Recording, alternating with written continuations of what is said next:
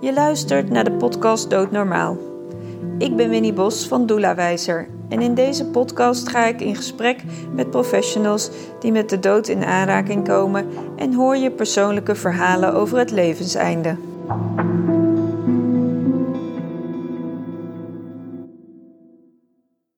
Ik zit vandaag aan tafel met Rosa van Ederen. Ja, welkom. Fijn dat je er bent. Dankjewel. Um, ik nodigde jou uit. Daarop zei jij ja. En dan uh, word ik heel nieuwsgierig. Waar komt die ja vandaan? Vorig jaar heb ik een uh, tentoonstelling mogen laten zien in het Museum uh, of Humanity. Tentoonstelling eigenlijk gewijd aan ja, tenminste eigenlijk begonnen zeg maar met het idee, mijn vader is overleden dat ik 16 was. En um, ik, werd, ik werd uitgedaagd door iemand die, uh, die mij een training gaf over mensen die op jonge leeftijd hun ouders zijn verloren. Kan je niet iets met dat gegeven um, uh, om je vader meer in het nu te krijgen? Het is natuurlijk gewoon, ja, als je uh, jong je vader bent overleden, heb, uh, is overleden, dan, ja, dan verbind je zo met die vader die overleden is. En hoe kan je weer verbinden met die vader die geleefd heeft? En dat vond ik een heel mooi uh, gegeven. En toen zei ze, ja, je bent fotograaf. Kan je daar niet iets mee? Dat je uh, voorwerpen gaat fotograferen die iets met hem te maken hebben. En toen dacht ja, voorwerpen, daar heb ik dan niet zoveel mee. Ik heb meer met mensen. En toen leek het zo mooi om uh, ja, terug te gaan naar het laatste moment dat ik mijn vader had. Dat ik 16 was. En ja, hoe ziet zo'n band er dan uit als je 16 bent met je vader? En dat is een project geweest waar ik twee jaar mee bezig ben geweest. En nou, natuurlijk door alle coronagezelligheid. Uh, ik had hem heel graag op uh, mijn vaders 70ste, wat zijn 70ste verjaardag zou zijn, uh, laten zien. Dat zou in 2020 zijn, maar dat is helaas niet gelukt. Maar wel gelukkig afgelopen november. Dus daar hangt nu een hele, ja, ik ben heel blij dat het er hangt. Heel mooie, ja, mini tentoonstelling van allemaal vaders en dochters van 16. Mm-hmm. En uh, op, met iets wat ze, ja, ik heb ze gefotografeerd op een plek of met een, met een iets, ja, wat, ze, wat hem bindt of wat, wat symbolisch zou kunnen zijn voor hun band. En dan heb je ook nog eens 16 van dat soort uh, uh, verbindingen gefotografeerd. Dus niet ja. alleen jongeren die 16 zijn met hun vader, ja. maar ook dan nog eens 16 van dat soort uh, verbindenissen. Ja, ja. ja, dat, ja dat, dat op een gegeven moment, ik, ik, ik had, ik had zo'n oproep geplaatst op, op Facebook uh, twee jaar terug. Zo van ja, ik ben op zoek naar vaders en dochters van 16. En toen werd ik aan alle kanten wel uh, gelinkt aan, aan mensen en dat was super fijn. En toen, ja, toen ben ik eigenlijk zo begonnen en toen gaandeweg, toen dacht ik ja dat 16, dat is voor mij natuurlijk, 16 is voor mij sowieso een heel bepaal, bepalend getal geweest. Toen dacht ik, nou, misschien is het mooi als dat dan op die manier ook nog terugkomt. Ja, heel symbolisch. Ja. Het, zijn, het zijn trouwens wel 15 vaders. Dat kwam omdat ik een, een tweeling van 16 tussen heb zitten. Mm. Toen dacht ik, ja, het zijn nog steeds 16, 16 keer een relatie met je vader. Dus, ja. Vorig jaar uh, uh, heb je die tentoonstelling geopend en heeft het daar gehangen. Wat heeft dat jou gebracht? Ja, sowieso ook wel echt. En dat was natuurlijk ook wel ergens natuurlijk het uitgangspunt, weer die verbinding vinden uh, met mijn vader. Het is natuurlijk gek. Ja, ik, het is natuurlijk voor mij kijk zo lang terug dat hij is overleden. En dan, ja, dan, je, je, zijn, bedoel ik, ik heb wel van alles en ik dacht, oh, dan neem ik een tatoeage van Salette of zo. Ik ben altijd, was ik altijd wel op zoek naar iets of zo, wat, wat ik weer kon doen, soort van met hem. Maar dat, dat die verbinding weer vinden, dat, dat is ook, ja, dat is ook echt wel gelukt. En dat heeft me ook gewoon heel erg laten doen realiseren uh, hoe belangrijk een vader is in dat levensjaar. Het was heel mooi om te zien. Het gebeurde eigenlijk al een beetje de, de eerste keer uh, dat ik een vader en dochter fotografeerde. Zij uh, gaan graag uh, met z'n tweeën op vakantie en dan huren ze zo'n jeep waar je zo'n tent op het dak kan zetten. Mm-hmm. Dus ze hadden helemaal speciaal voor de foto hadden ze ook helemaal zo'n jeep gehuurd. Heel cool. Het was zo'n hele koude januari winterochtend um, in het Twiske, zo'n recreatiegebied bij Amsterdam Amsterdam. Ja, toen, zij waren bezig. We gingen die tent een beetje opbouwen en ik was een beetje omheen aan het fotograferen. En uh, nou, dat was een beetje zo klaar. En toen, uh, toen wilden ze weer wegrijden. En toen zei die vader ook van, nou ja, rij, rij anders gewoon even weg. En zij was natuurlijk 16. En uh, dus ze waren al wel eens volgens mij een beetje bezig geweest met, met, uh, met autorijden en zo. En, en ik stond er een beetje bij. En ik had ook nog wel mijn camera echt zo vast. En toen zag ik gewoon wat hij aan het doen was. Hij was gewoon echt haar dat vertrouwen. Hij stond buiten die auto. Hij was gewoon haar een beetje aan het coachen, begeleiden. En gewoon ja, haar te leren vertrouwen op zichzelf dat ze het kon. En toen reed ze zo met z'n twee uiteindelijk weg. En toen dacht je, jeetje, dit is, dit is zo mooi om te zien. Want dat, dat is zo een onwijs belangrijk iets uh, wat hij doet voor haar in dat levensjaar. En dat uh, vond ik ook gewoon heel gaaf te zien dat um, de dochters die ik fotografeerde, die eigenlijk meer een beetje aan het begin van het levensjaar zitten, dat die heel erg echt zo daarop varen. Dus de hele tijd ook die, die bevestiging zoeken en dat het de een soort wisselwerking is tussen die twee. En dat uh, meer tegen het eind van het levensjaar dan ja, er was al echt een soort van bijna een soort transformatie of zo gebeurd. Mhm. Dat zij echt dan met zo'n één been in een meer volwassen leven stonden. En dat vaders ook letterlijk tegen mij zeiden, als ik daar een beetje zo'n gesprek ook over had met ze tijdens het fotograferen. Van dat, dat hij ook echt meer ernaast staat, naast haar. En dan ook even zo'n foto en dan is het ook echt zo, zij kijkt gewoon echt zo naar het, een beetje zo richting de toekomst. En hij kijkt zo vol trots naar haar. En dan denk ik, ja, dat is ook gewoon zo mooi uh, wat er dan gebeurt. Dat je dus uiteindelijk gewoon op jezelf mag vertrouwen en, en je eigen plan mag trekken. En dat vond ik zo mooi. Dat is zo'n proces wat dan zo gebeurt in zo'n jaar. Ja, want het, tien jaren zijn sowieso een bijzondere periode natuurlijk. Die waar we in kind als verkeren. Waarin we volledig de weg kwijt zijn. En denken, wie ben ik? Ja, ja, ja, duidelijk. Wat ben ik überhaupt? Ben ik wat? Oh, wacht even. Ik heb hier ook nog zo'n lijf. Oh, er gebeurt ook van alles. Weet je, dit is echt natuurlijk tenminste als ik terugkijk naar mijn tiende tijd, uh, totally confusing. Dat je denkt, uh, maar goed, dat, dat, dat is dan een gegeven. Nou verloor jij je vader op je zestiende, maar überhaupt voordat jij hem op je zestiende verloor, had je ook al wel het nodige met hem meegemaakt. Ja, ja precies. Ja, dat ik, ik, volgens mij was ik veertien en op de een of andere manier onthoud ik het altijd heel... Ik weet niet, er is iets van die tijd wat maakt dat ik het soort lastig vind om echt een mhm. soort chronologisch allemaal goed te onthouden. Maar uh, ja, volgens mij was ik 14 en toen, uh, toen uh, is was hij dus eigenlijk voor het eerst ziek geworden. Acute beenmergleukemie.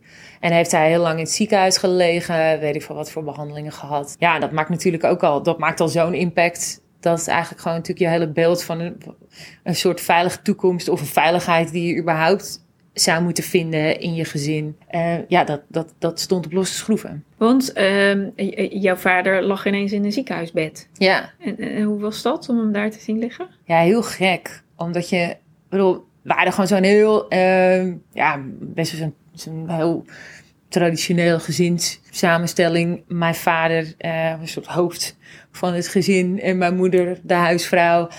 Ja, en mijn vader nam alle beslissingen en en in een uh, ligt hij zo, weet je, dus en hij is, hij is ook 1,93 meter, dus heel oh, groot. dus, ja, je kunt er ook niet omheen. Nee, duidelijk niet. hij, is, hij is ook altijd zo heel aanwezig en grootse uh, persoonlijkheid. Dus dat, ja, mijn vader was ja, niet te missen, zeg maar. En om hem dan in één zo heel kwetsbaar in zo'n ziekenhuisbed te zien liggen, dat vond ik wel echt intens heftig, ja. En weet je ook nog hoe dat voor hem was? Ik kreeg gewoon wel, ja, ik, ik, ik kreeg gewoon wel gevoel dat hij zich best wel zo eh, natuurlijk, ja, groot wilde houden. En natuurlijk gewoon eh, nog wel gewoon echt zo die rol van vader uh, wilde volhouden. Dat vind ik nog steeds even de moeilijkste ding te verkroppen. Dat ik, dat ik, een, ik had er nu zo, ik had vanuit wie ik nu ben, zo graag voor hem willen zijn. Mm. En, uh, en dat ik hem, ja, heb, niet heb kunnen troosten. En dat gevoel heb ik niet gehad. Omdat, ja, het was gewoon eigenlijk gewoon heel surreëel.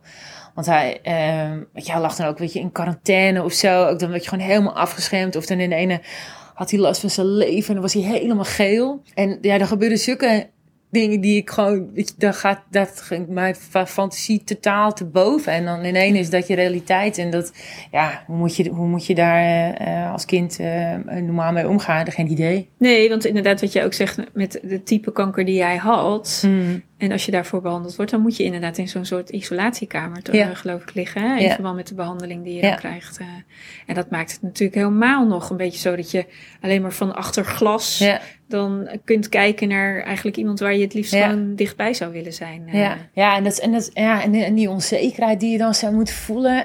Mijn vader was, was enig kind, maar echt mega levensgenieten. En ik denk juist ook omdat hij enig kind was, dat hij gewoon overal bij wilde zijn. En echt uh, alles wilde meemaken. En ja, en dan dit zo in je eentje te moeten doen, ja, dat vind ik, dat vind ik gewoon zo, dat vind ik er gewoon zo, nog steeds gewoon zo super heftig aan. Is het het alleen doen, bedoel je dan het alleen sterven of het alleen ziek zijn? Nou, nou hij is niet alleen gestorven, dus dat is heel fijn. Mhm.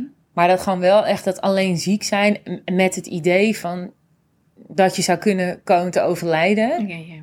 En, dat je dan, en, hoe je daar dan toe verhoudt. Dat ik me echt zo dat ik denk, oh, juist voor zo iemand als je onwijs levensgenieter bent, hoe, hoe moet je dan het leven loslaten of zo? Of hoe, hoe, wat voor gedachten zijn dat dan? Want het is nogal een contrast, hè? Als je zo'n ongelofelijke levensgenieter Ja, bent en denkt... ik grijp alles aan om maar te zorgen dat de joy vooral er is. ja, ja, En dan ineens binnen no time is die joy... Is, is maar je aandacht en focus moet op iets anders zijn. En dat is je gezondheid. ja, Je, je, je, je lijf wat zegt ik ben ziek en eh, ik kan niet meer. eh.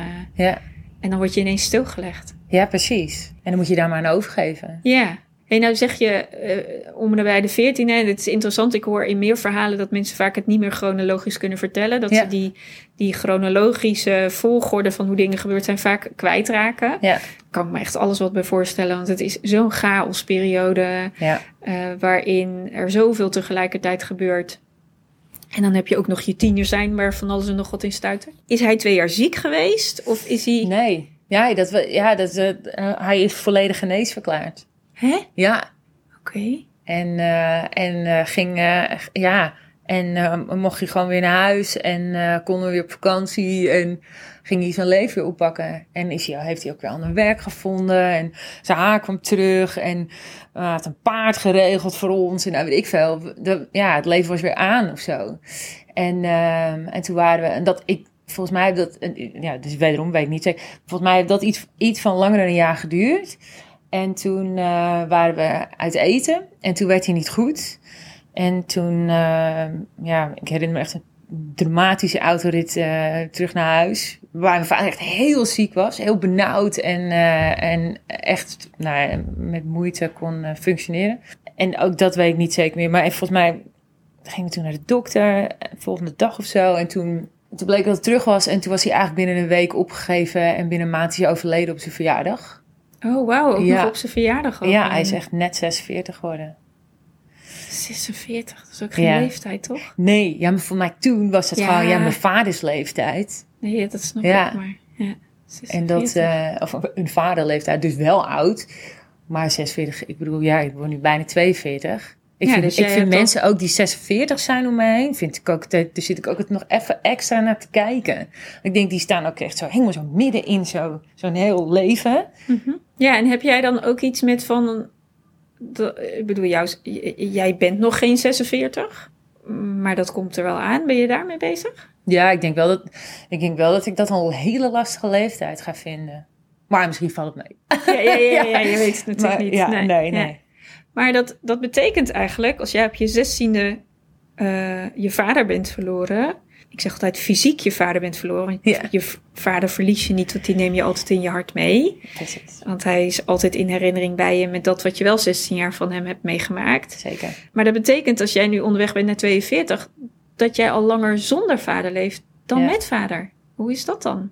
Nou, ik, ik heb het gevoel, ja, de- ik, ik denk dat dat mijn project daar ook wel bij geholpen heeft, dat ik dat niet meer zo heel erg sterk voel.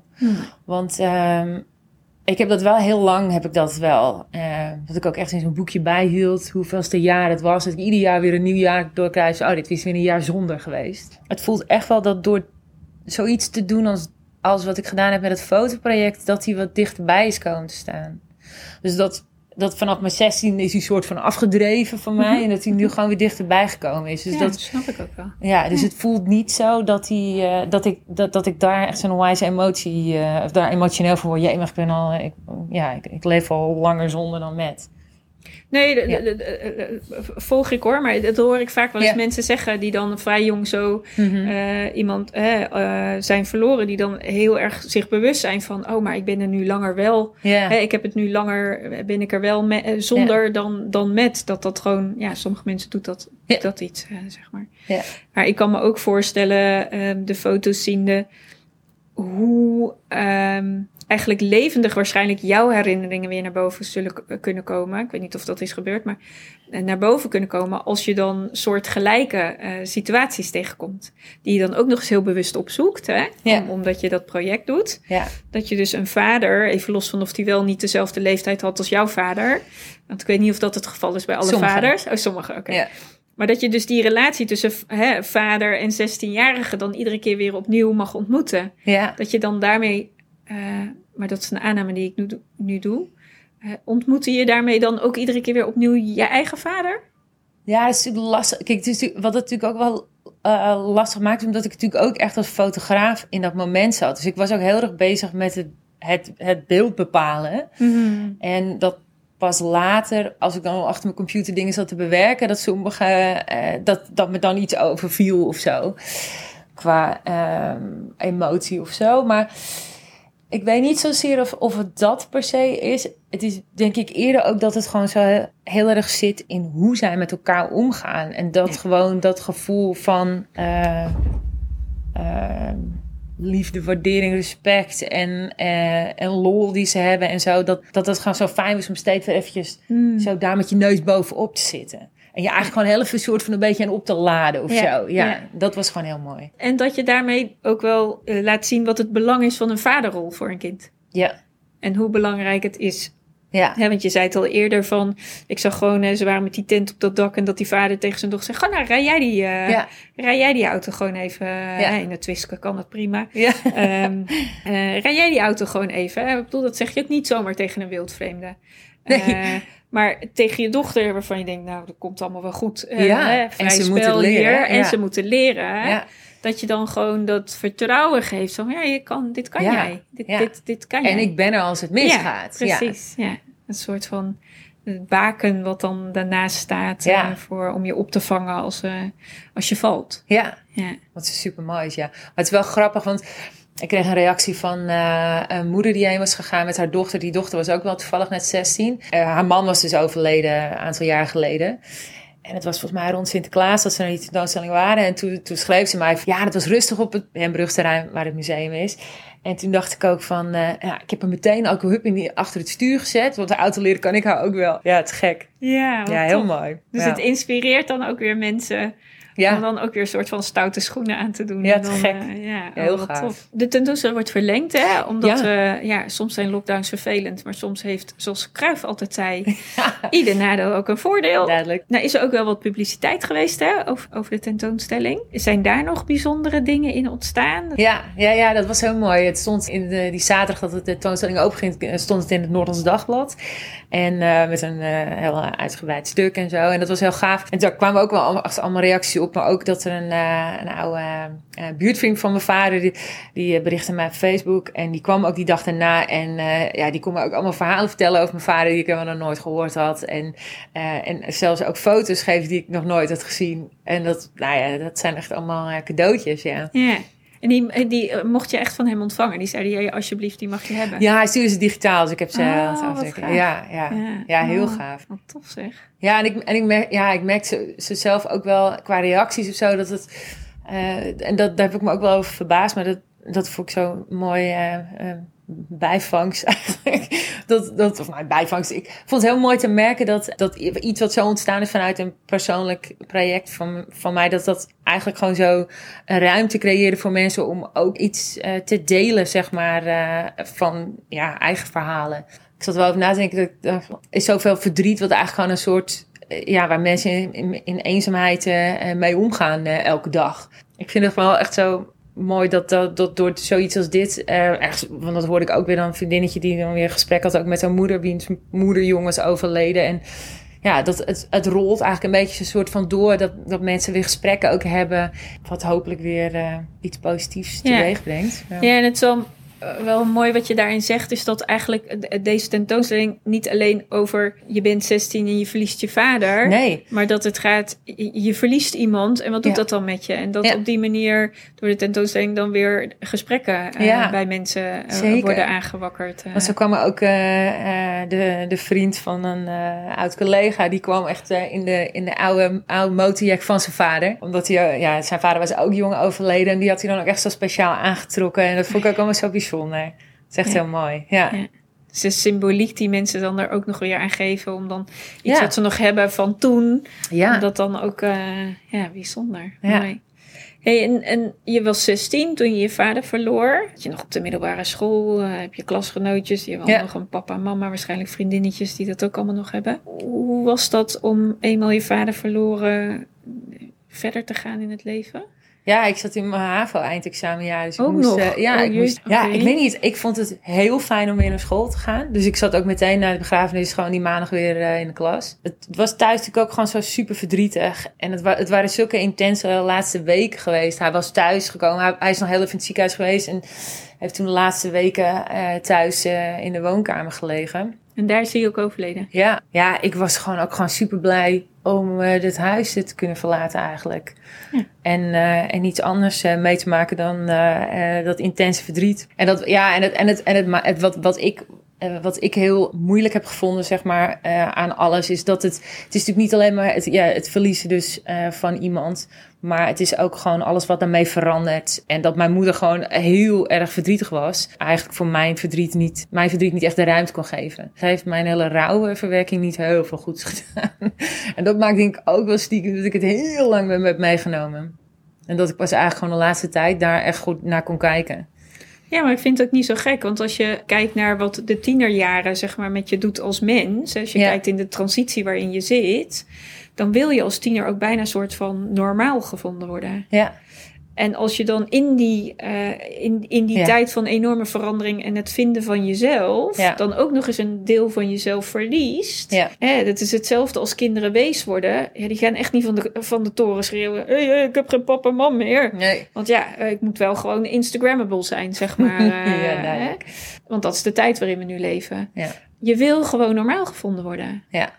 Want ja, je bent niet anders. Dat, het is wel zo. Ja. Maar je wil eigenlijk niet anders zijn. Want ja, als je anders bent, dan ja, wat dan, hè? Ik bedoel, uh, dus, dus ik kan wel een beetje volgen in, het, in, in de tijdsperiode van het leven waarin je zit. Dat je denkt, uh, ja, pff, thuis is het echt, uh, nou, huilen met de pet op. Ja. Dan moet je maar gewoon verre van blijven. Ja. want ja, daar, dan moet ik al s'avonds terug, net terug. Ja. Ja, alles wat ik buiten kan, en, naar buiten kan om adem te halen, dat is natuurlijk prettig. Ja. Want dan krijg je ruimte in jezelf. Ja. Maar kan me daardoor, dat, dat hoor je wel vaker, dat als er dan in een gezin een ouder overlijdt, hoe ga je dan met elkaars rouw om? Hè? Ieder rouwt ja. op zijn eigen manier. Maar hoe doe je dat door. Je hoeft het niet samen te doen, want dat kan niet. Ieder doet het op zijn eigen manier. Maar hoe kan je dan toch met elkaar blijven wandelen en naar Ja. elkaar kunnen blijven kijken? Dat je zegt: Oh god, het is wel Ja. echt rot voor je nu. Of hey, hoe is het eigenlijk met jou? Ja, en, dat, ze- en daar, daar zou ik ook wel, en dat is eigenlijk denk ik ook een beetje een soort van de onderliggende eh, boodschap die ik ook heb met mijn tentoonstelling. Dat ik eigenlijk ook gewoon zo heel graag hoop dat eigenlijk toch wel het, het soort van de omgeving om zo'n gezin heen. Met die verlaat verdriet training kregen we ook gewoon heel vaak, eh, eh, er was super veel herkenning. kwam ook zo naar voren van ja, wij, wij, wij als kinderen kregen heel vaak, hoe is het eigenlijk met je moeder? Ja, precies. Ik zou het zo mooi vinden als ze, bijvoorbeeld, ik had bijvoorbeeld gewoon heel even, eh, weet ik veel, een van een oom of tante, gewoon even uit het huis gehaald worden. Even een weekendje dat er gewoon alleen maar focus was op mij. En eh, nu ging het eigenlijk gewoon alleen maar om mijn moeder. En, en weet je, en dat is natuurlijk een beetje een soort van een misvatting dat je, dat ze, er wordt altijd gezegd, kinderen zijn zo veerkrachtig. Ja, dat zijn ze ook. Maar dat betekent niet dat ze geen aandacht nodig hebben. nee. Maar ik vraag me serieus af of het veerkracht is of gewoon die hersenen zijn niet ontwikkeld. Er is gewoon geen capaciteit om, om, om daar, daar veerkrachtig mee om te gaan. Dat is er gewoon niet. Dat is nog niet ontwikkeld. Denk ik. Tenminste, dat, dat ik vind, vind dat altijd, eh, ja, ik word daar een beetje agressief van. Ja, ja. Maar ik vind het wel mooi wat je zegt. Want waar we het nog helemaal niet over hebben en waar jij ook niet over begint is... Wat heeft de school eraan gedaan dat jij een vader verloor? Eh, toen ik mijn eh, diploma ha- had gehaald, mijn HAVO-diploma met een her, toen werd ik naar voren gehaald en mocht ik een fles champagne openmaken. Dus ja, er is wel volgens mij. ehm, Maar überhaupt hè, op het moment dat, jij, dat de uitvaart van je vader was... is er in de klas aandacht besteed aan het feit dat jij je vader was verloren? staat mij niks van bij. Nee. Maar had ik ook echt gruwelijk gevonden, denk ik, als Nee, puber. eh, even los Ja. van... Hè, ja. Ja. Ja, maar dat, dat gaat volgens mij ook heel erg over hoe pak je dat dan aan, hè? Ja. Eh, als dat überhaupt ter sprake komt. Maar er kan Zeker. ook, had ook een mentor kunnen zijn die even Precies. naar je toe had kunnen komen en kan zeggen: hey joh, vertel eens. Ik was zo mooi, volgens mij was dat anderhalf jaar terug of zo. Toen las ik een initiatief van drie eh, scholieren in, eh, volgens mij een school in Amsterdam-Noord. En eh, waarvan, volgens mij was er een ziekte in een gezin geweest en een overlijden en nog iets. En die hadden een soort manifest of zo geschreven van hoe, eh, wat, zouden, wat, wat zij nodig zouden hebben. En dat vond ik zo tof. Dat ik dacht, jeetje, wat gaaf dat je dat al zo kan verwoorden. En volgens mij kwam het er ook gewoon echt op neer, gewoon dat af en toe een leraar heel even een arm om je heen slaat. Zo van, hé, hey, eh, hoe gaat het? Er staat me wel even wat van bij dat misschien een leraar direct wat aan me gevraagd heeft. Maar ik vond dat allemaal volgens mij heel ongemakkelijk en eh gênant. En weer ook, denk ik, wat jij zegt, van ja, je wil gewoon normaal gevonden worden. En dan word je in de ene, dan loop je gewoon met je, met je vriendinnen door de gang en dan spreekt een leraar je aan. Ja, echt serieus, moet je gek worden of zo, weet je. precies. Dus dat liever niet. Nee. Dus Nee. ik denk dat het wel, dat, ja, maar daar, kijk, en ik snap ook, daar zijn misschien dan gewoon net de handvaten natuurlijk voor, van hoe ga je ermee om als, eh, als school als zoiets gebeurt. Wa- Wat er natuurlijk gebeurt als we te maken hebben met verlies. Gewoon e- e- even heel generiek gezegd. Hè? Maakt niet uit waar je zit. Op je werk, eh, op Mhm. school, eh, Ja. in je vriendengroep, in de familie. Weet je, in Ja. de sportclub. Noem ze allemaal maar op waar we een verlies kunnen ervaren. Ja. Iedereen daarin verliest iemand. Hè? Of het nou de sportclub is, of de, de klas, of eh, de collega's. Ja. Eh, los van het gezin waar diegene uitkomt. Iedereen verliest iemand. Maar waar mag iedereen met zijn verhalen heen? Ja, dat is een hele goeie, ja. Weet je, daar besteden we heel weinig aandacht aan. Eh, Er zijn mensen die dat wel heel erg goed kunnen. Iedereen heeft zijn verlieservaring daarin. En los van dat we de tools niet hebben, ik vind het niet meer dan een normaal menselijk gedrag dat je aandacht geeft aan dat wat er Mhm. in je omgeving is gebeurd. Dus als iemand een verlies heeft ervaren, Ja, ik heb hetzelfde gehad. Hè? Ik verloor mijn vader toen ik in de uitvaartwereld werkte. Ik was twee jaar onderweg. eh, net twee jaar in het vak van de uitvaartwereld. Ik was ook nog jong. Ik begon op mijn 33ste, 35 toen ik mijn vader verloor. En ik verloor mijn vader. Ik ben vijf maanden uit de running geweest. Mhm. Maar ik kan me niet herinneren dat iedereen nou heeft gevraagd hoe het nou, hoe het nou was om met mijn vader. Tijdens En, of, of daarna? Of... nee, daarna. Hmm. En het gekke was zelfs nog dat eh, mijn collega's wisten dat mijn, de uitvaart van mijn vader in het crematorium in Ede had plaatsgevonden. En de- regio waar ik in werkte, daar viel de plaats Ede onder. En ik was uiteindelijk weer eh, gaan werken. Een collega die zei, nou, we gaan gewoon stapsgewijze. En ik was ook nog van regio veranderd, dus maken met de, eh, met de locatie. Ja. En de eerste beste plek die wij bezoeken Serieus? Het crematorium in Ede. En het gekke is nog, en nou goed, ik ga dit wel benoemen, eh, officieel mag het niet, maar eh, wat er daar gebeurde, was dat wij uiteindelijk in het columbarium terechtkwamen, waar de asbussen liggen te wachten op dat die worden opgehaald door de familie. Nou, officieel is dat voor buitenstaanders niet toegestaan, behalve de medewerkers van het crematorium. Maar in dit geval kwam ik samen met mijn collega, ik was geloof ik met twee collega's, kwamen wij in dit columbarium terecht waar deze bussen liggen. Waarop ik heel zo vrolijk zeg: Oh, dan ligt mijn vader. Oh, en mijn oma ook hier. Want mijn oma was een half jaar daarvoor overleden. En ook in dat crematorium gecremeerd. Ik zag op een gegeven moment ineens de bus met de naam van mijn vader daarop staan. Jeetje. En uiteindelijk ging ik daarmee op zoek naar de bus van mijn oma. En wat heel mooi was, is dat mijn oma helemaal onderop lag en mijn vader heel erg bovenop. Ik zeg, oh, dat is heel goed. Want bij leven ging dat ook al niet zo heel goed samen. Dus die liggen goed uit elkaar. Maar dat was gewoon heel gek om daar gewoon de as van mijn... Ja, in, dus in die ruimte te staan, waarin mijn vader vijf maanden daarvoor... eh, Maar mag je daar, want daar was je niet gekomen toen je vader gecremeerd Nee, nee, was. nee, daar kom je ook niet dan. Het columbarium eh, is, eh, is de plek in het crematorium waar de as wordt bewaard als de, as is, eh, als de crematie heeft plaatsgevonden. En die moet daar officieel wettelijk eh 30 dagen blijven liggen. En daarna mag die vrijgegeven worden. Zolang nabestaanden daar niets mee doen en niet teruggeven wat ik ermee wil, blijft het daar liggen. Eh, ik, er zit wel geloof ik een eindtermijn aan qua eh, eh, jaar. Ja. Maar over het algemeen genomen nemen veel van de nabestaanden halen wel de as op.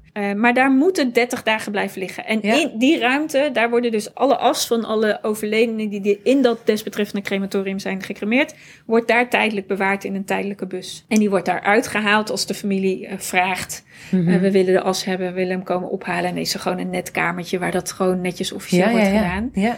En je moet je, er stelt ook niet zoveel voor. Die ruimte is gewoon een hele, ja, een soort magazijn. En er staat dan een stelling. stonden er toen dan? Oh ja, veel. Hm. Maar dat, wat ik eigenlijk mee wil zeggen is, dus ik verlies in mijn werk, in het werk waar je het hebt Ja. over verlies, Ja. verlies ik dus mijn vader. Maar er was niet zoveel aandacht voor. En dat is geen verwijt, hè. De- maar het is zo jammer dat we het eh, gewoon niet aanraken. Want we kunnen daarin mee, door het wel aan te raken en er gewoon even met elkaar te zijn, dus noods een kopje thee te drinken, zeggen: hé, hey, joh, vertel eens, hoe is het nou eigenlijk? Mhm. Of alleen maar een kopje thee te drinken en te zeggen: we gaan gewoon nu even stil zijn. Of whatever. Weet je, je hoeft niet echt zoveel te doen. Maar dat je er gewoon aandacht aan besteedt. Want wat jij zelf zegt, ze vroegen alleen maar naar mijn moeder. Maar waar was jij? Wat heeft gemaakt dat jij een soort van je verdriet waarschijnlijk heel erg naar binnen hebt geslagen? Ja, precies. En een soort van in jezelf hebt verstopt. Ja. En je zei al, eh je hebt een training verlaat verdriet gedaan, hè, zeg Mhm. je? Wa- wa- Wat herkende je daarin? de manier waarop je dan met je eh, verdriet omgaat als je dan door die eh, nou ja, door je, ook je overgebleven ouder en niet daar helemaal in wordt gezien. Ja, en wat voor een uh, overlevingsmechanismes je dan gaat aanmaken om dan iets, ja, toch maar een soort van jezelf door zo'n situatie heen te slaan. En welke had jij? Um, heel erg uh, uh, wat heeft die ander nodig? En dan maar ondertussen je gewoon heel erg niet gezien voelen. Dat is denk ik wel een van de, van de meest uh, heftig of zo. Ook die ik nog steeds wel, wel ervaar ook. Het slaat hem af en toe een beetje door als ik in het verkeer ben. Maar dat voel ik me dus heel vaak niet gezien. en, dan, en wat ik dan merk ook is, dan, dan word ik echt gewoon die uh, recalcitrante, irritant puber van 16. Die zit gewoon nog in mijn systeem. Mm -hmm. En uh, dus ja, hoe vaak ik een taxi wel niet, als ik gesneden word, kaart opgerapt. dat gebeurt nog wel eens, ja. Moet daar ook wel weer eventjes wat mee doen hoor, heus wel. ja, nee, maar, het, het, maar het, het, ik vind het wel een mooi voorbeeld wat jij geeft. Want eh, ik ken dat ook in mijn, in mijn eigen leven. Als je emotie dus niet doorleeft, dan gaat het zich op een andere manier uiten. En bij mm -hmm. jou uit het dan bijvoorbeeld in het verkeer. Dus dan denken we heel vaak in het verkeer van die idioten die dan een middelvinger opsteken. Ja. Maar daar kan zomaar achter zitten mm -hmm. dat die heel jong verlies hebben gehad en hun emoties niet hebben doorleefd. En emoties die we hebben, wat een ongelooflijk gewoon natuurlijke reactie is op Ja. dingen die gebeuren in ons leven, mogen we doorleven. Maar dat vraagt wel dat we de ruimte krijgen om ze te doorleven. Ja, precies. En, en ja, en dat is dan zo, uh, zo jammer dat dat dan niet gebeurt. En misschien dan ook wat je zegt, ja, omdat dan, ja, dat je dan er geen ruimte voor wordt gemaakt op je werk of waar dan ook Ja. waar je dan bent. Ja, want dat hoeft niet altijd in jouw thuissituatie. Het kan Nee, er zeker had niet. ook makkelijk een andere plek kunnen Absoluut. zijn. Absoluut. weet je, je had misschien bij een sportclub gezeten waarin Ja. iemand had gezegd: hey, kom eens, we gaan even zitten. Of whatever. Ja, En dan had op die manier had er, had er wel een soort stroming kunnen gaan plaatsvinden. ja, en, en, weet je, ja, en wat je nou zo vaak natuurlijk ook zo hoort, en dat zal, zal waarschijnlijk al vaak wel langs gekomen, dat dan heel vaak eh, mensen het niet durven te vragen, omdat ze dan denken, ja, en ze loopt nu net eh, gewoon zo lekker zo een beetje eh, te lachen, of ze is gewoon waarschijnlijk gewoon met, lekker met haar hoofd bij de werk. Dan ga ik haar weer lastigvallen met haar verdriet, dus dan hou ik mijn mond wel. Maar dat, ja, dan ik altijd, ja, eh, dan kan ik nog steeds zeggen van, nou, het is nu, nu even niet het moment, maar ik vind wel. Heel maar- dat je ja. er even naar vraagt. Ja, maar dat is interessant hè, wat je zegt. Dus de ander maakt al de keuze voor jou Zeker. zonder er eerst over te beginnen. Dus Ja. zij bepalen eigenlijk al voor jou dat het moment het er niet is. Maar ze, ze stemmen dat niet bij jou af of dat het Nee. moment er niet is. Nee, nee, nee. Dus in dat opzicht is dat ook wel. En, en ik snap waarom mensen dat doen, hè? Of ik kan het Tuurlijk. volgen. Want als ik het bij jou bespreek, ik bedoel, ik vind dat niet zo moeilijk. Ik kan heel prima bij verdriet zijn. Dat, Ja. eh, daar, ik bedoel, kan ernaast zitten en kan denken, ja, maar dat is jouw verdriet. Hmm. En ik kan geraakt worden in verdriet van jou. Dan is dat stukje van mij. Maar Ja. eh, jouw verdriet is jouw verdriet. Eh, maar wat heel vaak gebeurt, is dat wij door dat we in gesprek komen met die ander over verdriet, dat mensen zo geraakt worden in hun eigen verdriet en bang zijn dat ze zichzelf daarin verliezen. Ja, ja, ja. Maar En- dat is natuurlijk ook, weet je, en dat, dat, wat, maakt ook dat heel veel mensen nou, net even niet lekker doorpakken om wel naar een therapeut te gaan of zo. Omdat je, je, je hebt de angst voor dat, je, dat het verdriet zo groot wordt. Ja. En dat het je gewoon echt eh, overneemt en dat, er gewoon, dat je nooit meer ophoudt met huilen. Nee, dat, dus ja, daar zijn we bang voor. Ja. ja. En, dat weerhoudt ons dan waarschijnlijk. Ja. En dat van als je dus jong een, een oude verliest, dan is dat ook natuurlijk gewoon omdat het, eh, dat, dat verliezen heeft plaatsgevonden op een moment dat je überhaupt die nog niet natuurlijk bij machten bent om Nee, hoe, hoe groot is, is de wereld. Ja, en eh, ja, dus dan is dat natuurlijk ook, dat is ook te groot. Hoe het dan in je gemanifesteerd is. En ja. Ja. Dat vond ik wel heel gaaf, want ik heb ook weer gedaan. Ik vond dat wel heel erg helpen. E- EMDR. Ja Ja. omdat het dan zo vast zit of, en vastgezet is op op een tijd dat ik kind was. En dan Mhm. het weet je, naar je werkgeheugen te brengen om het te verwerken als volwassene. Ja. Ja, dat is gewoon zo magisch of zo. Dat vond ik echt heel tof. Hoe dat voor jou heeft gewerkt. Ja, ja, ja, ja, ja, ja. Ja, wat, wat, wat ik altijd wel zo jammer vind, in, wat ook in dit soort situaties als die van jou kan voorkomen, dat mensen dan naar een psycholoog worden gestuurd. Dan denk ik, psycholoog? Daar hoort iemand gewoon helemaal niet thuis. Want er is een, er is een natuurlijke situatie geweest waar iemand verlies heeft geleden van een ouder. Ja. Daarin is er psychisch niets met jou mis. Wat ik lastig vind aan de wereld waarin we leven, in, als het gaat om rouw, is dat wij rouw willen verpsychologiseren. Hmm. En ik, ik geloof dat dat niet. Dat, ik, dat, dat klopt niet. Want het is een hele natuurlijke reactie dat je daar verdriet op hebt. Maar wat je dan dus niet hebt gedaan, is je verdriet doorleven. En het Ja. enige wat het vraagt, is kan jij ruimte krijgen om je verdriet te doorleven? Ja.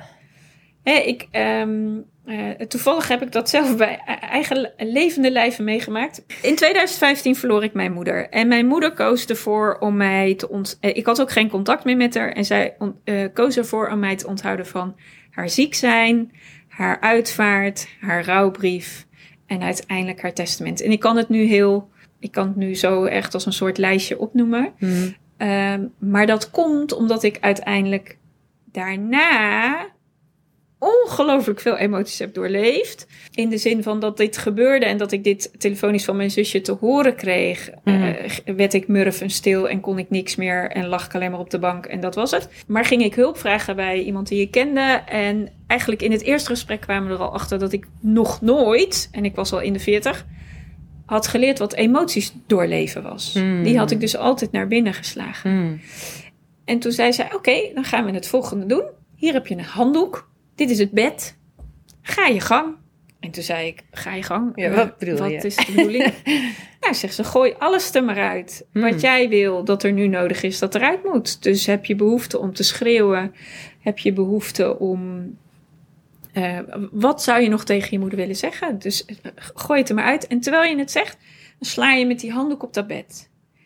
Nou, en wat heel interessant was, wat, wat daardoor werd aangezet, was dat er heel veel boosheid loskwam. Mhm. En ik was in de 40, nou, ik geloof dat ik nog nooit zo boos in mijn leven ben geweest. Maar door dat te doorleven, Mhm. ging er bij mij een soort van luikje open. Omdat het dus, het zit in je systeem. Het zit gewoon ergens en het, Ja. het enige wat het wil, is het wil eruit. Ja. Het wil los, het wil stromen. En als het dan kan stromen, gaan er gewoon luikjes open. Ik heb het met mijn moeder aan de telefoon gehad. Ik, ja, dat was een aanleiding waarbij ik me dus eh, niet gezien voelde. En wat ik natuurlijk ook gewoon heel vaak eh, ge- gedaan heb. Ja, emoties gewoon niet geregistreerd. Dus daar, daar kan je prima, ehm tussen haakjes, eh, heel wat jaren eh, Mhm. doorstaan. Ja. En op een gegeven moment, ik denk dat het wel, echt een aanleiding van die training ook was, dat, dat het gewoon, het, het, het ging niet meer. Ik kon mijn emoties niet gewoon meer wegstoppen. En toen, toen was er een aanleiding, en toen heb ik telefoongesprek, nou, ik heb echt staan schreeuwen. Echt vanuit mijn tenen, nog nooit zo, ook, en toen was ik ook dus eh, in eh, 40 of zo, nog nooit zo boos geweest. En wat deed dat met je moeder? Ja, de- want, want dat, is, dat ehm, heb ik heel vaak met haar gehad. Als ik het dan had over iets van eh, die tijd en dat het moeilijk was. Dan het eerste wat ik dan kreeg. Ja, maar voor mij was het ook heel erg. Ja, daar was ik toch een partijtje klaar mee. Dat ging gewoon niet meer. En ja, dus ik, het, het, is de, het is voor haar heel verdrietig geweest. Heel moeilijk. Maar het, het moest. Ik kon het niet meer. Nou. Want hoe is de relatie met je moeder nu? goed. Ja, en het is, ja, het is, het, het is goed dat, dat, dat dit er ook is geweest. Want het, ja, het, eh, anders was het, eh, ja, dan was het gewoon echt eh, wel stuk gegaan, denk ik. Want op een gegeven moment gaat het gewoon niet meer. Want je, je kan niet continu dat, eh, dat, dat, dat, als kind heb ik dat gewoon zo gemist. Dat, dat, eh, dat mijn verdriet er mocht zijn. Dan, ja, dat, Het, is bijna, het, het klinkt bijna de manier waarop je moeder het ook zegt, alsof het een competitie is. Hè? Het is voor Ja, jou ja, erger ja, dan voor mij. ja, Alsof het op een weegschaal moet. ja, Weet je, het moet wel alle, voor allebei heel erg. Nee, eigenlijk omdat ik de moeder ben, is het eigenlijk nog veel erger voor mij dan voor jou. En ja, maar. Ik bedoel, het, Ja. het, het is ook een soort van logische reactie, want het is dan de taal hè, die dat maakt. Want waarschijnlijk, als we heel diep van binnen kijken, bedoelen we dat helemaal niet zo. Maar Mhm. dat komt dan zo ploep uit die mond, hè? Zo, Ja. Ja. Voor de woorden zijn eruit voordat je er erg in hebt. eh. ja, precies. Maar het is, het, rouwen is geen strijd. Nee, maar dat is wel grappig, want dat op de een of andere manier lijkt dat soms wel ook eh, eh, hoe, mensen, hoe mensen dan naar elkaar communiceren ook over iets. Ja. En soms vond ik het wel bijvoorbeeld ten opzichte van een hele goede vriendin van mij, die is haar vader verloren dat zij acht was. Maar ik vind toch, ja, ik vind dan toch ten opzichte van haar, vind ik haar verdriet toch wel echt groter dan die van mij. Ik heb mijn vader nog tot mijn zestiende gehad. Ja. Maar het- eh, en dat is wel weer mooi, want dan komt er altijd een haakje eh, waar ik altijd heel erg op aanga. eh, dat wij denken dat een leeftijd of een duur dat iemand op deze wereld is, het belang aangeeft hoe, hoe Ja. het belang aangeeft van iemand. Maar dat Mhm. is helemaal niet zo. Iemand die acht jaar zijn vader heeft meegemaakt, die kan een enorme intense tijd met zijn vader hebben gehad. Of met zijn moeder. Wat jij, waar jij misschien 16 jaar over hebt moeten doen. Hè? Dat weet ik Ja, niet of dat zo is, maar het, om even de, de, deze twee feiten met elkaar te vergelijken. Ja. Hè, dus iemand die, die met twee of drie overlijdt, die kan een enorme betekenis hebben gehad voor de wereld waarin ze geleefd heeft. Hm, Ten opzichte van iemand die maar ze- die 96 is geworden. tuurlijk. Dus, dus, maar ik snap wel, wij zijn in deze wereld waarin we, le- in, Ja. in, waarin we leven gewend om dingen op een weegschaal te leggen. Voor jou is het erg als, of- Ja. eh, als voor mij. Ja, en het is denk ik ook toch wel, ook wel stiekem een soort van... Want waar ik ook gewoon zelf last, eh, toch ook wel last van heb... is dat ik eh, mezelf geen slachtoffer wil zien. Maar ik Hmm. ben dat heus wel. En dat vind ik ingewikkeld. Ah. En wat is er ingewikkeld aan dan? Ja, ik vind het ingewikkeld om, om dat zo eh, eh, te, te, op die manier te laten zijn. Want ik En- vind dat- eigenlijk, ik vind, ja, ik weet, ik vind het, ik vind het, ik, ik had liever gevoel, weet je, dat ik er, dat ik er niet zo'n last van had en dat ik, eh, dat dit niet iets was waar ik eh, nu uitgebreid een hele podcast interview over zou geven. Maar ehm, d- dus ergens voelt het Mm. ehm, nog niet dat ik het helemaal geaccepteerd heb voor wat het is. Ik denk dat En- dat ook nog wel een proces is. maar- Ja, ja, ja, dat zou kunnen. En, en ehm, nou ja, dat is eh, hoe ik zeg maar naar, naar mens zijn op, op deze wereld kijk. Ehm, ik, ik geloof dat alles wat in ons leven gebeurt een bedoeling heeft. Hè? We, komen, we zijn een, een ziel. En we hebben al een leven eerder gehad. We komen met een boodschap op deze wereld om iets te leren. Ehm, en daarvoor zijn soms eh, eh, eh, gebeurtenissen nodig om dat leren te activeren. Mhm. Ehm, ja, zoals ik heb meegemaakt toen mijn ouders zijn overleden, ehm, eh, zo heb jij het meegemaakt om jouw vader vroeg te moeten verliezen. Ehm, dus ik geloof dat in jouw levensverhaal, wat jij hier als ziel op deze wereld leeft, het de bedoeling was, hoe vervelend dat ook is, hè? Ik, Hmm. ik wil het niet goed praten, maar dat het de bedoeling was dat jij jong verlies zou ervaren. Mhm. Ja, dus, dus dat in ons leven de dingen gebeuren met een reden. Mhm.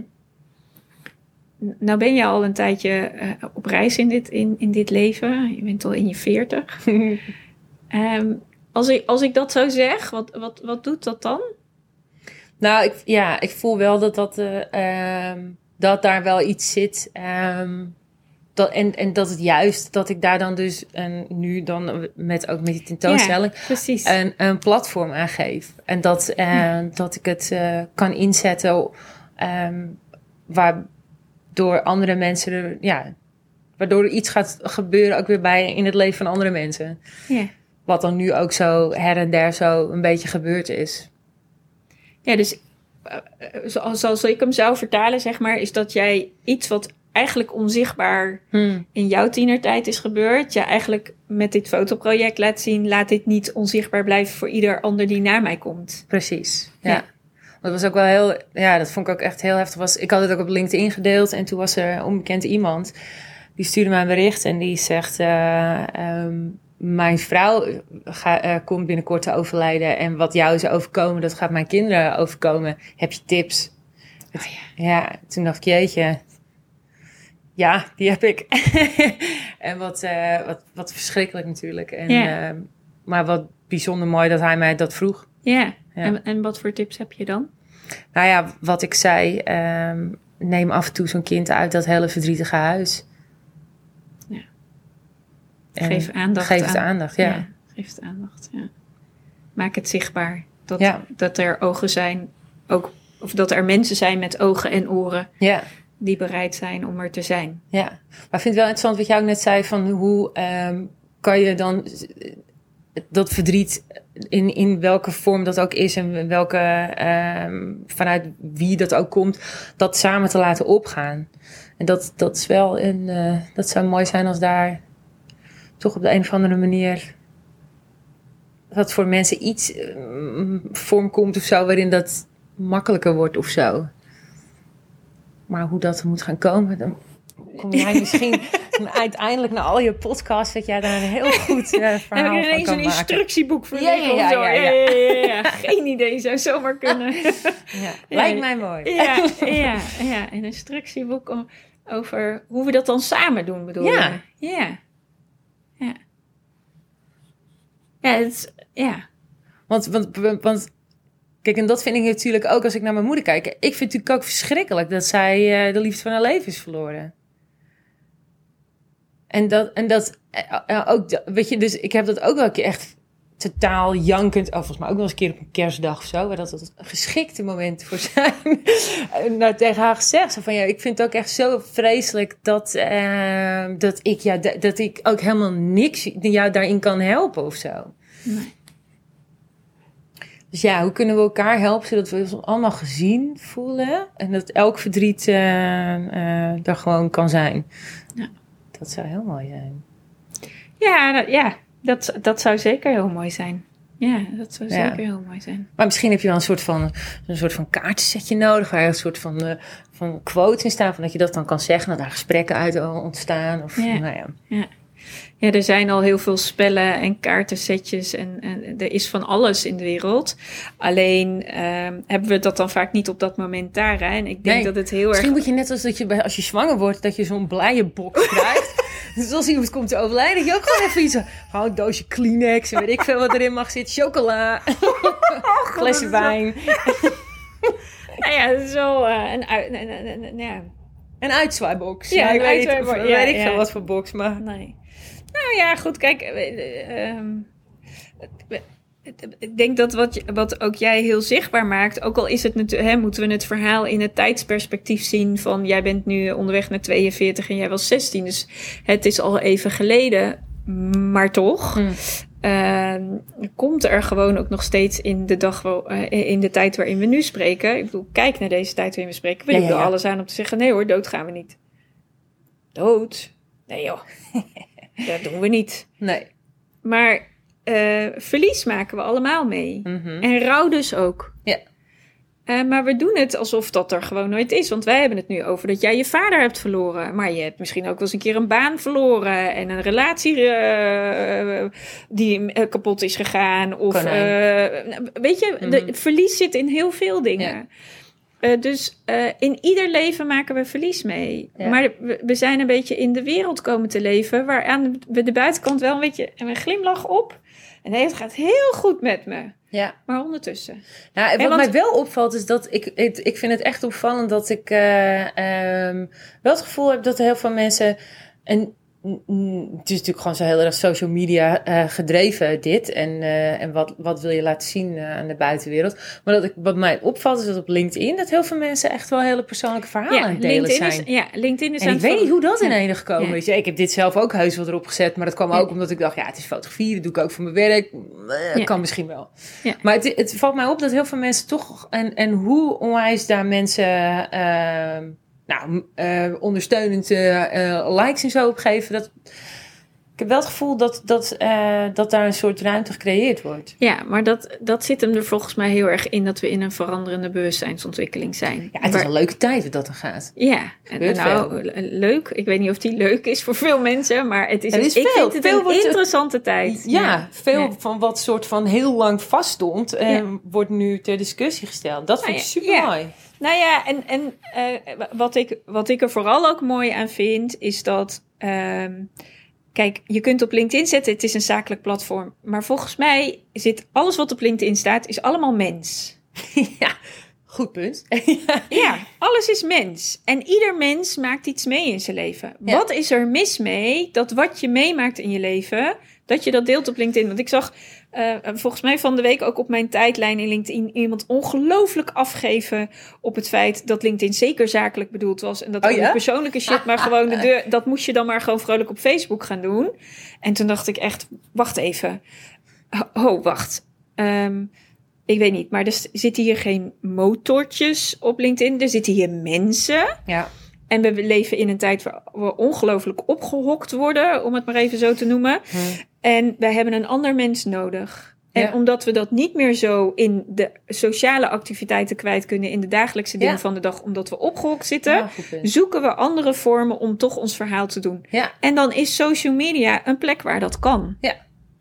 En dan is LinkedIn, waarvan ik vind, we zijn allemaal mens, ja. ook een plek waar je dat mag doen. Ja, maar om precies. je menselijkheid Het is ook een beetje knap naïef om te bedenken dat eh, eh, wie je bent en hoe je gevormd bent, dat dat geen effect heeft op hoe je je werk doet. Ja, precies. Dus ik, ik geloof dat daarin, hè, dat, dat is eh, heel erg hoe ik het zie. De wereld is aan het veranderen dat we een meer menselijker maatschappij worden. Waarin we, we o zo duidelijk, ehm, nou, waarin het o zo nog meer duidelijk wordt hoe we die ander nodig hebben. Ja. En hoe essentieel dat is dat die nabijheid van een, van een mens, Ja. echt letterlijk naast je op een stoel of hoe dan ook, Mm. dat we die nodig hebben om te kunnen leven. Ehm, en dat de sociale activiteiten die we voorheen hadden nodig zijn om menselijk te kunnen blijven leven. Ja. Eh, omdat we, eh, nou ja, eh, voor je rouw eh, het fijn vinden om even dan eens met Pietje te kletsen. Ja. Of dan komt Jantje en die vraagt het je wel. En dan kan jij ineens wel je verhaal kwijt. Ja. Weet je, dus daarin komt er, ja, ik denk dat we naar een, ehm, nou ja, dat er uiteindelijk het resultaat is, we zijn er nog niet, maar dat er een meer menselijkere samenle- samenleving, een eh, menselijke, ik vind het namelijk nu geen samenleving, maar ehm, ja, er Nee. komt een menselijker wereld aan, laat ik hem zo noemen. Maar daar zijn we nog lang niet. Nee. Nee. Nee. Maar dat zou wel mooi zijn, ja. Ja. hey, maar even als. ehm, want we zijn alweer eh, bijna een uur aan het kletsen. Nou, heb jij. eh, die wil ik nog wel even mooi noemen. Want jij hebt een prachtig mooi gastenboek gebruikt. Je hebt hem meegenomen van Michael Dudok de Wit, vader en dochter. Echt prachtig. Het is ook een filmpje waar ooit een prijs voor is gewonnen. Die heb je als gastenboek gebruikt. Nou, Mm. het is bijna hartverwarmend om, eh, om eh, wat daarin staat te lezen. Prachtig hoe je daar eigenlijk ja, vanuit de beelden die in dit boekje staat... mensen de ruimte geeft om mogelijk bij een, passend beeld een verhaal te schrijven. Tenminste, Mm. zo lees ik hem een beetje. Mm. En er is een heel mooi leaflet van eh, de tentoonstelling. Kunnen mensen die meenemen als ze hem komen kijken? Want er zitten ook verhalen bij, hè? Bij de Ja, die heb, ja de, de, er is eh, die verhalen. Ik heb ook aan alle vaders en dochters gevraagd. van, om met een paar vragen iets te vertellen over hun wand. Daar heb ik een, een, ja, een soort handout. Er ligt daar een blok, daar kan je, Oh ja. die kan je meenemen. Nou, dus voor iedereen, ga vooral kijken in Museum of Humanity. Museum op het Hembrugterrein Ja, in Zandam. een must om te gaan zien. Eh, los van waar je vandaan komt of wat je zelf in je leven hebt meegemaakt. Maar de foto's zijn echt prachtig, want die roepen van alles en nog wat op. eh. Mm. dus Ja, ik denk dat, dat het zeker de moeite waard is om te gaan kijken. Ongelooflijk dank voor je komst. En voor je mooie werk wat je in de wereld zet door het jong verlies zo zichtbaar te maken. Ja, nou jij bedankt voor Ja. dit gesprek. Ja, graag gedaan. Heb je naar aanleiding van dit verhaal vragen? Laat dan van je horen. In de show notes staan allerlei linkjes hoe je me kunt bereiken. Er is ook een fanpagina van de podcast Doodnormaal op Facebook. Welkom om die te volgen, zodat je ook van allerlei achtergrondinfo op de hoogte blijft. En de rest mij voor nu je in ieder geval ontzettend te bedanken voor je aanwezigheid hier. Om te luisteren naar deze podcast en hoop ik je graag weer terug te zien in de volgende aflevering van volgende week, waarin ik Dirk van Beckham over culturele diversiteit en being moved together spreek.